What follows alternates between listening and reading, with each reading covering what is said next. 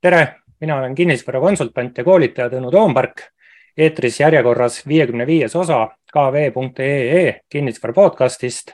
räägime maakleritest ja maakleritele ja tänane mm, teema on jälle niisugune natuke mm, üldisem, suurem vaade ja, ja seda olen kutsunud avama mm, Kaspar Oja, Eesti Panga ökonomist. tere, Kaspar. tervist. ja, ja, ja Eesti Pank on Äh, avaldanud infot, kommentaare elamispindade kättesaadavuse osas ja, ja, ja see oli siis üks niisugune päästik, mis äh, mind pani kontakteerima, tegelikult oli üks siin hiljutine minu meelest väga sisukas artikkel oli Kaspar sinu suulest ka just kinnisvara hindadest, mis siis vaatasid intressimäärasid ja ja, ja sissetulekuid ja, ja nüüd siin me oleme, aga, aga võib-olla alustuseks äh, paari sõnaga räägi mida, mida sa Eesti Pangas teed, et mida teeb üks ökonomist äh, igapäevase tööna? no minu põhitöö Eesti Pangas on tegelikult seotud äh, makromudeliga ehk et selle niisuguse arendamise, töös, töös hoidmise ja noh, ka prognoosi tekitamisega.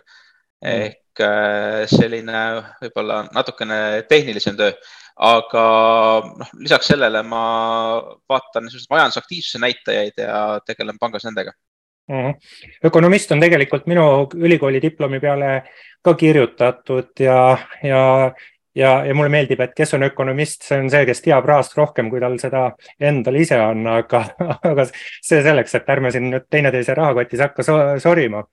aga, mm, aga läheks siis vaikselt teema juurde ja vaataks, et mis meil siin eelmisel nädalal tuli eh, sisemajanduse kogutoodangu Mm, kasvunumber ja see on siis ka niisugune ökonomistide või analüütikute eh, argoo, et, et räägitakse negatiivsest eh, kasvust. kui suur oli üllatus sinu jaoks, et number nii suureks eh, kujunes? no see neljanda kvartali langus ei olnud üllatus, selles mõttes see oli väga hästi kooskõlas meie mudelitega, mis noh, võtsid arvesse seda, mis on varasemates kvartalites juhtunud mis oli üllatav, oli see aasta üldlangus, äh, sellepärast et äh, Statistikaamet revideeris allapoole ka varasemaid kvartaleid. et tegelikult, kui nüüd võtta noh, taustaks see, millised olid prognoosid kevadel, siis noh, jällegi see langus tegelikult ei olnud ka üllatav. Aga noh, kui sinna languse sisse vaadata, siis hakkab silma see, et langus on võib-olla sektorite lõikes natukene üllatav ehk et need tegevusalad Äh, millel oleks pidanud päris hästi minema eelmisel aastal, äh, sellepärast et äh, toormehinnad olid kõrged, need tegevused mingil põhjusel langesid, et noh, näiteks energeetika, no energeetika puhul võib vaadata erinevaid tooteid. võib-olla võib see languse joonistada, aga mitte nii suurt langust kui SKP-s. Mm, siis noh, metsandus, ma arvan, on, on kõige märkimisväärsem, kus oli väga suur langus SKP andmetel, aga noh, arvestades seda, mis on toimunud Äh, impordivõimalustega või, või noh, mis on toimunud hindadega, siis äh, ei tundu see väga loogiline. ja, ja noh, kui me vaatame tagasi, siis äh, üldiselt on seda skp numbrit ka minevikus ülespoole korrigeeritud, nii et ma oleks optimistlik, et ka seekord võib niimoodi minna aga kui, kui oluline sisemajanduse kogutoodangu kasv või, või siis langus üldse sellises igapäevaelus olus üldse on, et me võtame kogu Eesti majanduse ühte numbrisse kokku, et kas, kas siin võib-olla mm, ongi mingit suurt vahet sellel, et kas ta on miinus üks või pluss üks või on ta null. äkki, äkki see nüüd liiga oluline just, ma mõtlen, sihuke igapäevaelus ei, ei olegi ma arvan, et meile ei ole see oluline, et, et jah, niimoodi olles statistikat õppinud ja umbes kujutades ette, missugused on need mõõtmisvead mm. usalduspiirid selle näitaja, siis äh, see pluss üks ja miinus üks tegelikult ei ole äh, väga olulised, noh, pikaajaliselt on tähtis, mis yeah. see kasv oleks, aga lühiajaliselt, arvestades seda, kui kiire on inflatsioon praegu, siis noh, on võimalus eksida väga suur et mm. noh, siin tuleb arvestada sellega, on ju, et tegelikult, kas SKP-d mõõdetakse nominaalselt ja siis ta deflateeritakse nende äh, inflatsiooninäitajatega, mis praegu on äh, väga kiired mm.. ja kui meil tavaliselt on see skp reaalkasv on niisugune küllaltki väike näitaja ja ka inflatsioon on väike näitaja, aga noh, antud juhul ütleme, kui inflatsioon on väga kiire ja seal võib olla mingi mõõtmisviga, siis see viga võib selles skp reaalkasvus isegi võimendada. et see on mm. selline omapärane paradoks, et noh, kui me siin teeme selle näite eelmisel aastal, et noh, kui me vaatame näiteks elektri hindasid, võrdleme siis erinevaid andmeallikaid, võtame aluseks ühelt poolt siis selle tarbijahinnaindeksi, elektri hinna, hinnatõusu teiselt poolt vaatame seda, mida ütlevad äh, elektrimüüjad äh, hindade kohta, kui palju need muutunud on ja näeme, et seal on küllaltki suur vahe.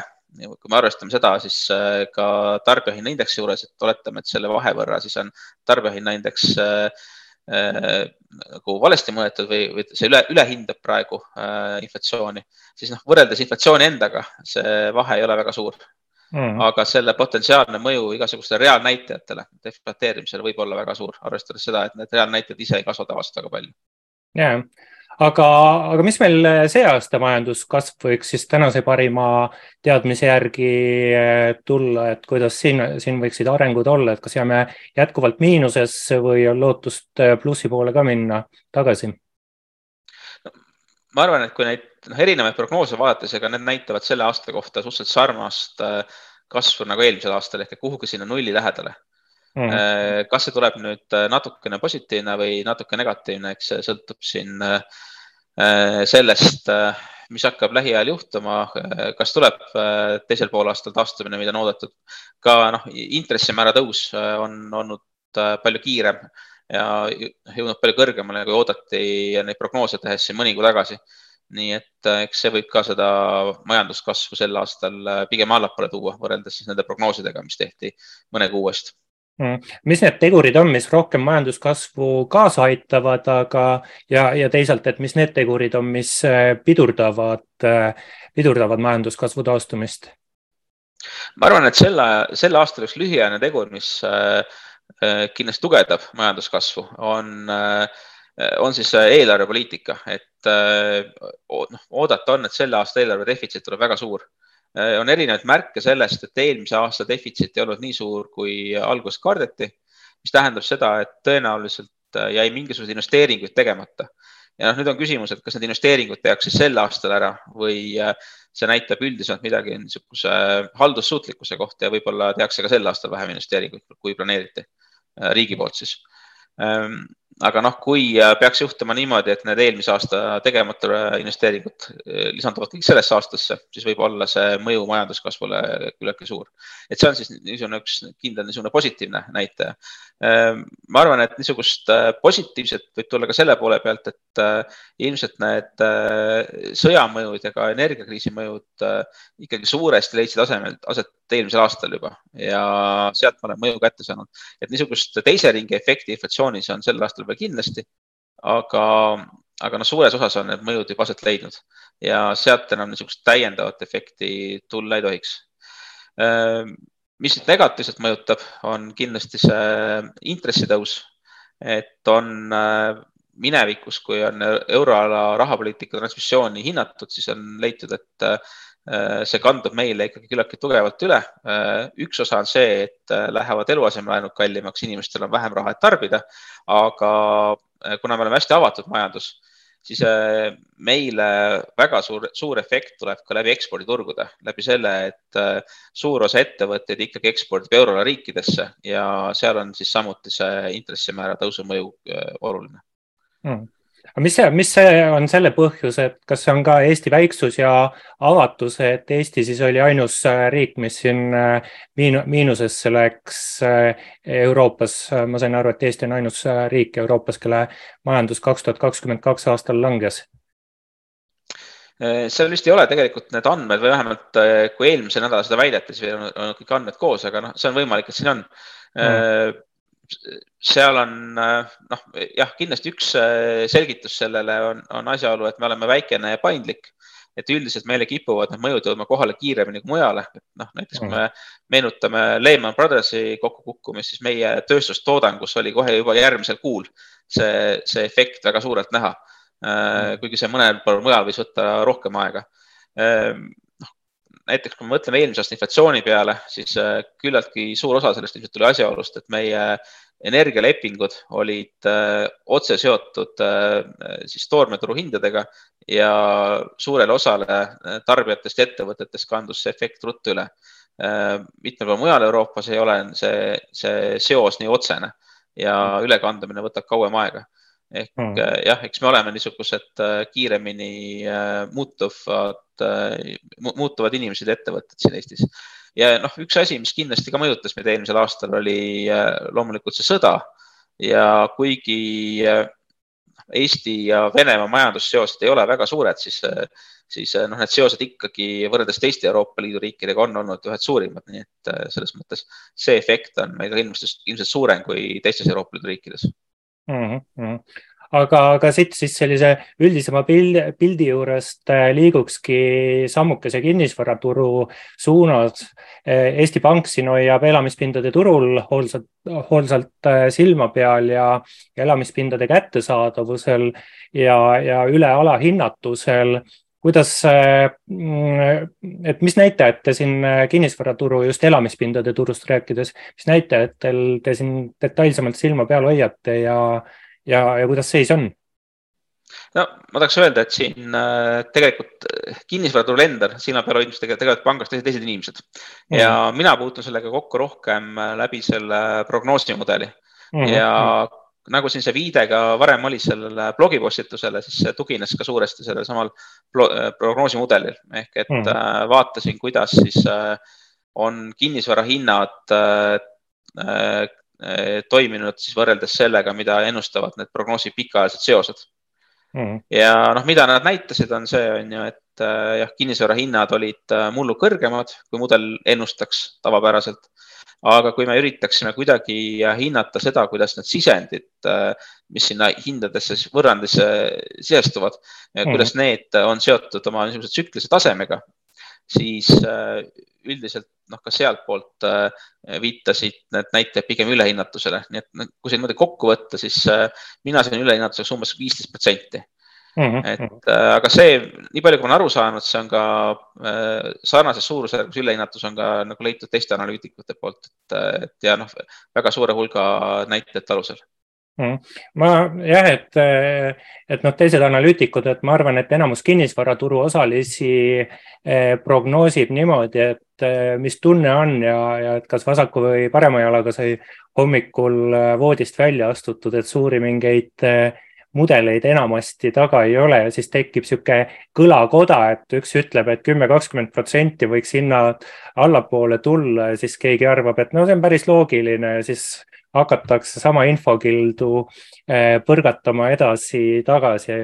Et noh, tõsi ja eks mingis osas teen mina isegi niimoodi, et mis, mis tunne on, et mingitele siiski andmetele tuginedes, et ma olen aga ma olen ka proovinud ikkagi siin nii üürihindu kui sissetulekuid kui elamispindade hindu mingisse Eh, mingisse, mingitesse valemitesse panna, et siis kuidas võtta, eks, et viisteist kuni kakskümmend viis olen mina saanud niisuguse eh, üle, ülehinnatuse taseme, et aga see ongi, et kuhu niisugune baas, baastase panna, sellest hästi palju eh, sõltuvuses. aga mis näitajad te vaatate, eks te vaatate siis elamispindade hindu, sissetulekuid, kas intressimäärasid, kas tööturgu, midagi? see, mida mina konkreetselt vaatan, on siis äh, Äh, kasutada tulu ehk et see tegelikult, äh, see on juba tulu, kust on intressi või maksed maha rahutatud mm. -hmm.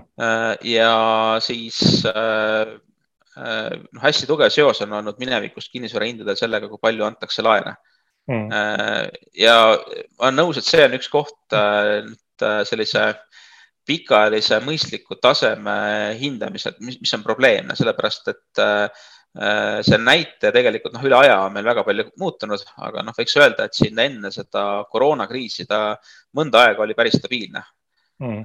noh, et noh, kui me eeldame, et äh, kuhugi sinnakanti see näitaja stabiliseerub pikaajaliselt, siis noh, võiks arvata, et on kinnisvara hinnad umbes viisteist protsenti ülehinnatud, aga, aga ma tahaks öelda selle mudeli kohta veel, et, et see mudel küll kirjeldab ära äh, üheksakümmend viis protsenti kinnisvarahindade hajuvusest üle aja. Aga samas, kui me vaatame nüüd neid äh, vigasid, mis see mudel teeb, siis ikkagi selliseid perioode, kui see mudel eksib ka viisteist protsenti umbes, et selliseid perioode äh, on ka ajas olnud. ehk et see ei ole ka niisugune noh, täielik kuld, mis sealt tuleb, et mm. keskeltläbi võime öelda, mis on see üle, üle või alahinnatus, aga, aga see ei tähenda seda, et nüüd kinnisvarahinnad peavad sinna kukkuma või et nad mm. ei võiks kukkuda rohkem, kui see mudel näitab. Kas, et kui ma nüüd oma mälus sobran, siis mul ei tule küll kordagi meelde, et Eesti Pank oleks teatanud, et elamispinnad on alahinnatud või, või, või kas, või kas teil on nagu mingi kaks tuhat üheksa aastal olid võib-olla liiga, liiga all siis hinnad või on, kas on millalgi mingit perioodi olnud, kus, kus mudel ütleb, et ei ole ülehinnatust?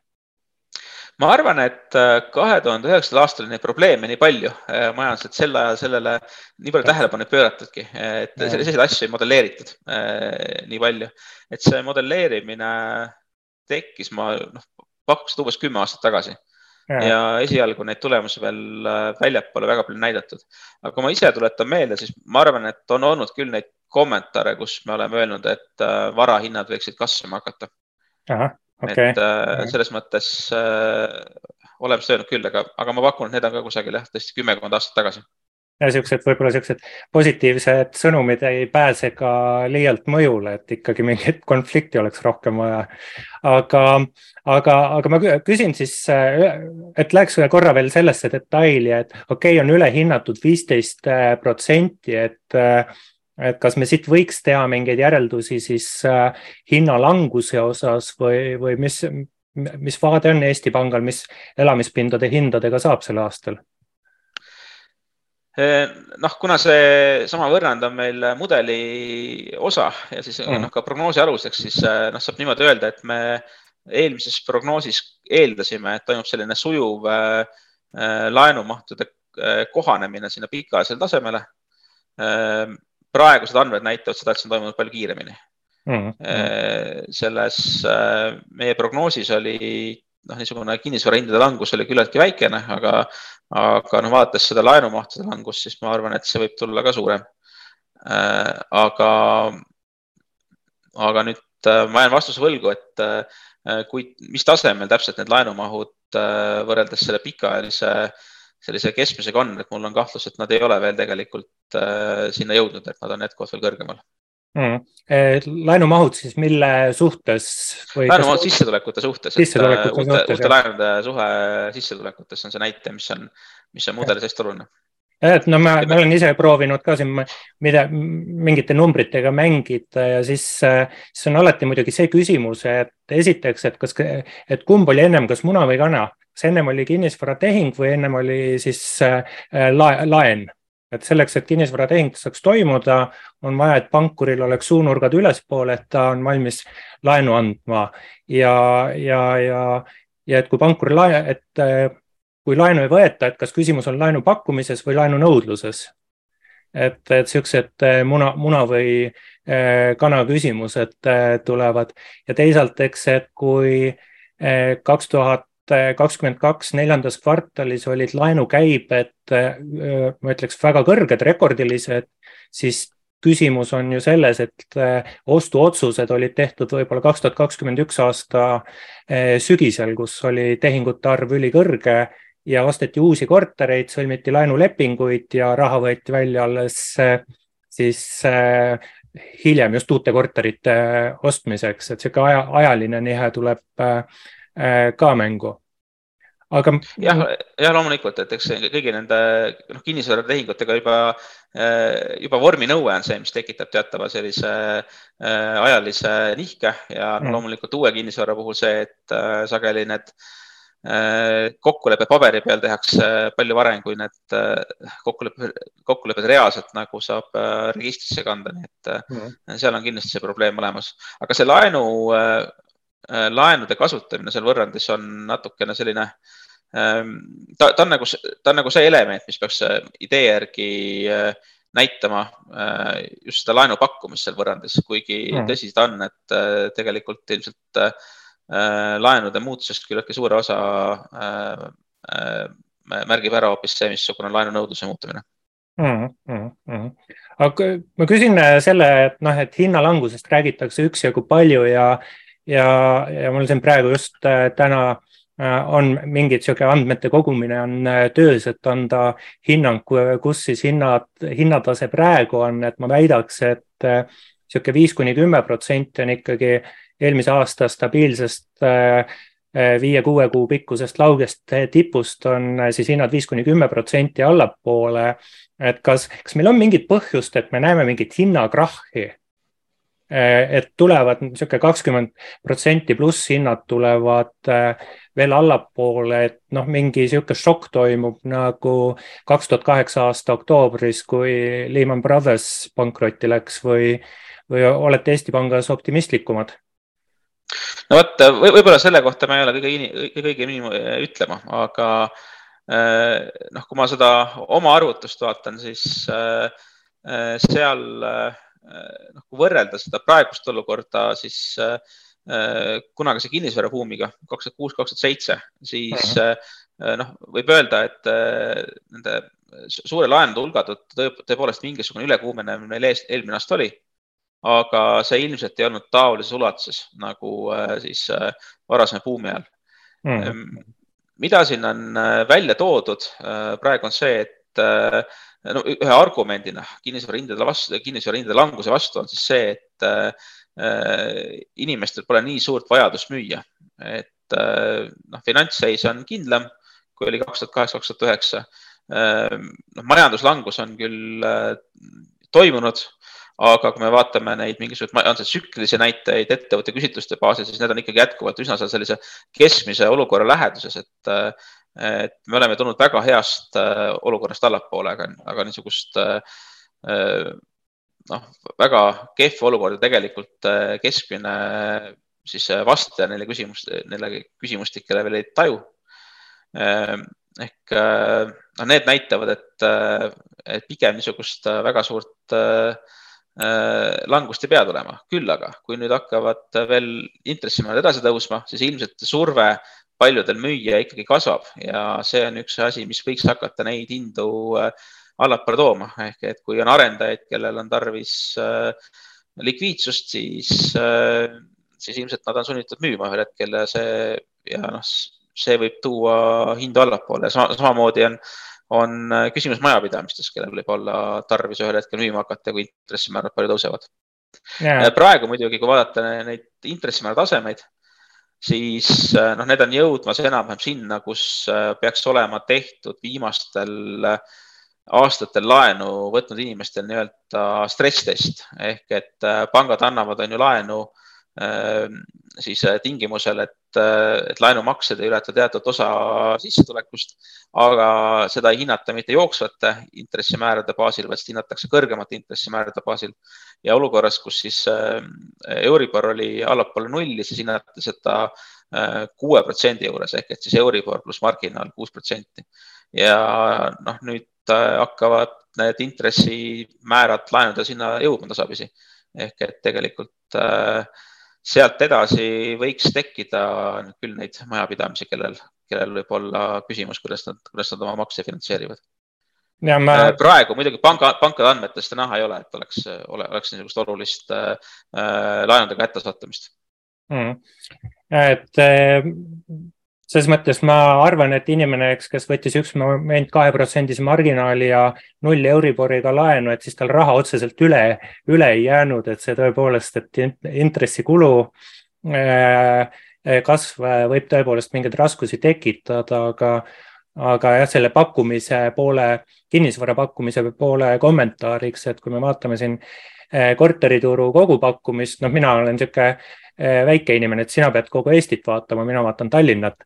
et siis Tallinnas on kolmandat eh, kuud järjest on eh, pakkumine languses, noh õrnas languses, et ei, ei midagi olulist ja pakkumine on ajaloolisest keskmisest oluliselt allpool.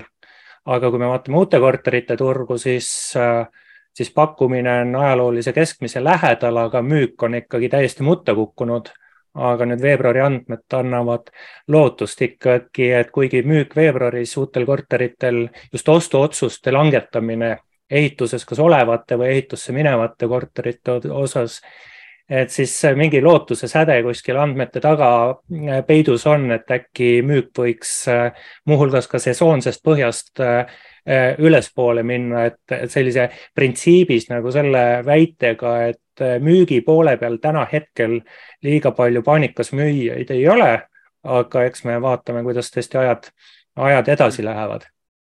Et ma, ma siit edasi minnes, ma esitaks niisuguse väite, et kuivõrd noh, meil elamispindade eh, noh, teatav ülehinnatus on olemas, mingi hinnalanguse oht on eh, olemas, eh, majanduses ebakindlad ajad, tarbijakindlus on allpool, et siis niisugused ajad Mm, tekitavad äh, seda olukorda, et meil omaniku asustus äh, kinnisvaraturul väheneb ja üürisektor hakkab äh, laienema. et kuidas sa kommenteerid, et seda minu väidet või, või siis kas on veel mingeid niisuguseid suuri trende, mida niisugused pöördelised ajad kinnisvara turu mõttes võiksid tekitada? No eks see on tõsi, et, et praeguses olukorras ilmselt kui ei ole pikka perspektiivi, siis on üürida ilmselt äh, soodsam kui, äh, kui osta, et eriti kui ei ole kinnisvara hinnad alla tulnud ja inimesed mm. eeldavad, et see võib veel juhtuda. Äh, aga noh, samas kui keegi ostab endale kinnisvara väga pikaks ajaks, siis noh, lõpuks selle noh, võib-olla kolmekümne aasta peale need ülehinnatuse numbrid, need, need tegelikult lõpuks ei määra väga palju, aga noh, see on see on ikkagi inimese enda küsimus, et noh, tavaliselt inimesed äh, vahetavad ühe kinnisvara teise vastu ja, ja sellisel juhul noh, neil on nii äh, müügis kui ostus on see enam-vähem ühesugune ülehinnatus sees või alahinnatus. Hmm.. et äh, tavaline inimene ikkagi ilmselt ei ole see, kes äh, spekuleerib kortereid ostes ja, ja siis üritab nendega turgu lüüa. Hmm aga sihuke kommentaar sellele, et sihuke üürituru osakaal suureneb, ehk siis tegelikult inimesi, kes, kes noh, kinnis eluaseme ost äh, aitab kapitali akumuleerida, et siin on ka mingeid uuringute okei okay,, kokkuvõtteid olen lugenud, et rikkamad inimesed omavad kodusid või kas see on siis, et et kas rikkuse põhjus ongi see, et kodu on ostetud ja omakapitali siis niimoodi vaikselt akumuleeritakse või, või vastupidi, et kas rikas inimene on see, kes saab kodu omale osta, et et kui üüriturg laieneb, siis sellist äh, koduostu, kuidas siis öelda, et, et ma, ma kindlasti ei ole nõus, et koduost investeering on, aga koduostul on niisuguse säästmise element on ju äh, selgelt juures, et see, see jääb siis ära üüri, üürnikel. Et on see mingi teema? see, see on üks oluline küsimus küll, et äh, tegelikult noh, kui me mõtleme viimaste aastate arutelude peale majanduspoliitikas, siis mõtleme pensionide peale näiteks, et siis äh, üks eestlasi päästnud asi on see, et eestlased on koduomanikud ja kuigi mm. meil on äh, pensionid väikesed, siis äh, noh, niisuguste äh, uuringute järgi, mis vaatavad, missugune on inimeste elatustase reaalselt äh, siis äh, erinevas vanuses ka pensionieas, siis noh, need, need näitavad tegelikult, et inimesed saavad küll hästi hakkama ja see, mis päästab, ongi see, et inimestel on oma kinnisvara ei mm. tule vanas eas enam üürida. et äh, juhul, kui neid inimesi jääb vähemaks, kellel kinnisvara on kunagi, siis see kindlasti hakkab ühel hetkel kogu seda sotsiaalset poolt mõjutama. Et kas mm. kinnisvara omamine teeb rikkaks või rikkad ostavad kinnisvara, et siin on viimase kümne aasta jooksul minu meelest on ka sellest kirjutatud, et kustkohast on tulnud näiteks ähm, inimeste, noh, säästvate inimeste siis vara Äh, ja no, ja noh, need, kes on elu jooksul kuhugi investeerinud, on suure osa oma vara kasvust saanud äh, ikkagi kinnisvarast.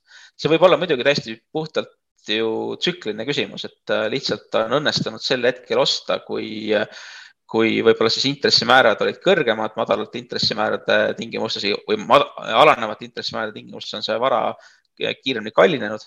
Ja see on ühele põlvkonnale siis palju kaasa aidanud, et ehk et äh, võib-olla me ei tea veel äh, sellest nii palju, aga noh, samas äh, pikaajalisemaid analüüse vaadates paistab ka, et see on ikkagi tõsi, et, et kinnisvara omamine ise on ka teinud mingeid põlvkondi jõukamaks, mitte lihtsalt see, et kes on jõukam, see ostab kinnisvara.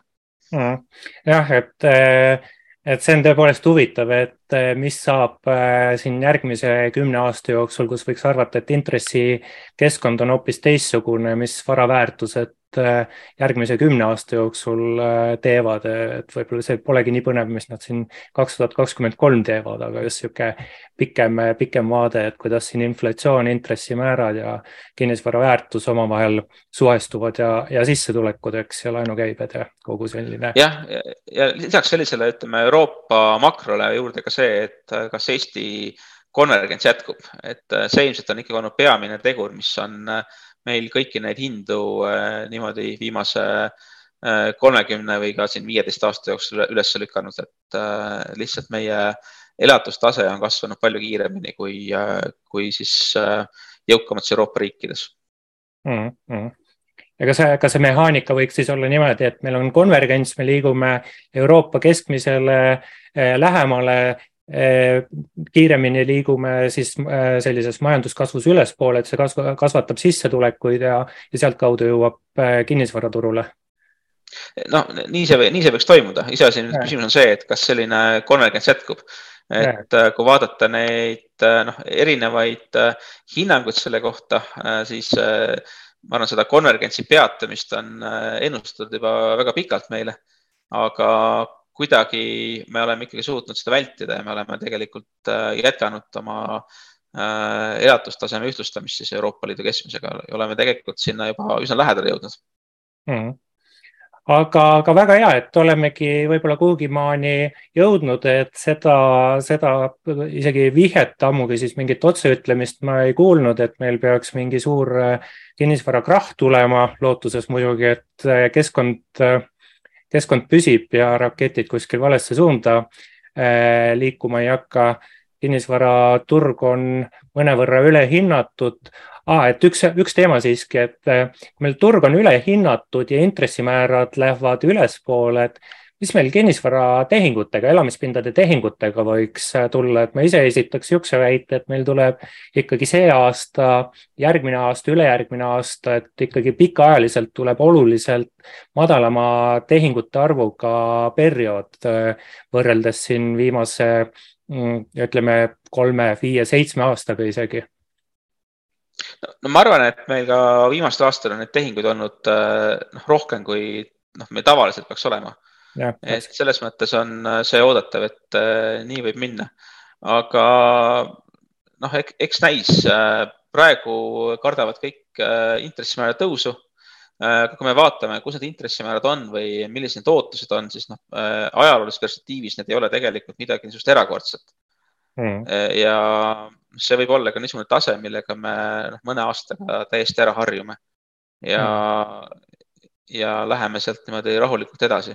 Ehk kui me nüüd tooksime selle võrdluse kunagise naftakriisiga noh, seitsmekümnendatel ja kaheksakümnendate alguses, siis noh, tollal tegelikult inflatsioonist lahti saamiseks tuli tõsta intresse väga palju kõrgemale, kui need on praegu siis, siis euroalal või ka nendes Ida-Euroopa riikides, mis on intresse meist palju rohkem tõstnud. ehk mm -hmm. selliseid ehmatusi noh, minevikus on, minevikus on olnud, et mm -hmm. praegu seda keegi on ju ei, ei ennusta, aga miski ei ütle, et juhul, kui inflatsioon alla ei lähe Euroopas, siis tuleb midagi sellist teha mm. -hmm. väga hea ja kõige lõpetuseks, et oleme siin äh, muutuvates äh, majandusoludes, et tahaksid sa elamispindade turuosalistele mõne soovituse anda, kuidas keeruliste aegadega paremini hakkama saada? Ma arvan, et sellest äh, elamispindade ärist need turuosalised teavad minust palju rohkem. nii et ma neile niisugust isiklikku soovitust ei hakkaks pigem andma, et ma pigem küsin nende käest. aga niisugune keskpankuri vaade, et äh, nagu sellest, äh, mis niisugune suured printsiibid on, millest äh, praegu eriti tasuks kinni hoida et...? ma arvan, et selline äh, igasuguste kriisidega on, on tavaliselt niisugune äh, ja, ja, ja ka buumidega on, on üks niisugune lause, et see läheb mööda. ehk äh, tavaliselt me äh, et me, me küll arvame kõigi kriisidega, et äh, see maailm on nüüd äh, pärast kriisi absoluutselt teistsugune, kui see oli enne, enne kriisi. aga niisugused pikaajalised trendid jätkuvad tavaliselt pärast kriisi täpselt samamoodi, nagu need jätkusid enne kriisi. ehk äh, noh, siin on see tuntud Keinsi essee oma lastelaste maailmast, mille ta kirjutas siis suure depressiooni niisugustel kõige ärevamatel aegadel ja kus olid arvamused, et äh, nüüdsest on maailm muutunud, igasugune majandusareng kaob ära ja enam järgmised põlvkonnad äh, eelmistest paremini ei ela. ta lükkas selle ümber ja, ja noh, ennustas, et tema, tema lastelaste põlvkond elab, elab ikkagi temast nagu kordades paremini. Ja noh, tegelikult äh, on ka nii läinud. ma arvan, et siit lähedalt äh, võttes oli meil see koroonakriis, kus samamoodi arvati, et maailm muutub täielikult ja noh, tegelikult äh, läks natuke aega mööda ja, ja naasime suhteliselt samasuguse maailma juurde nagu, nagu enne koroonat Mm.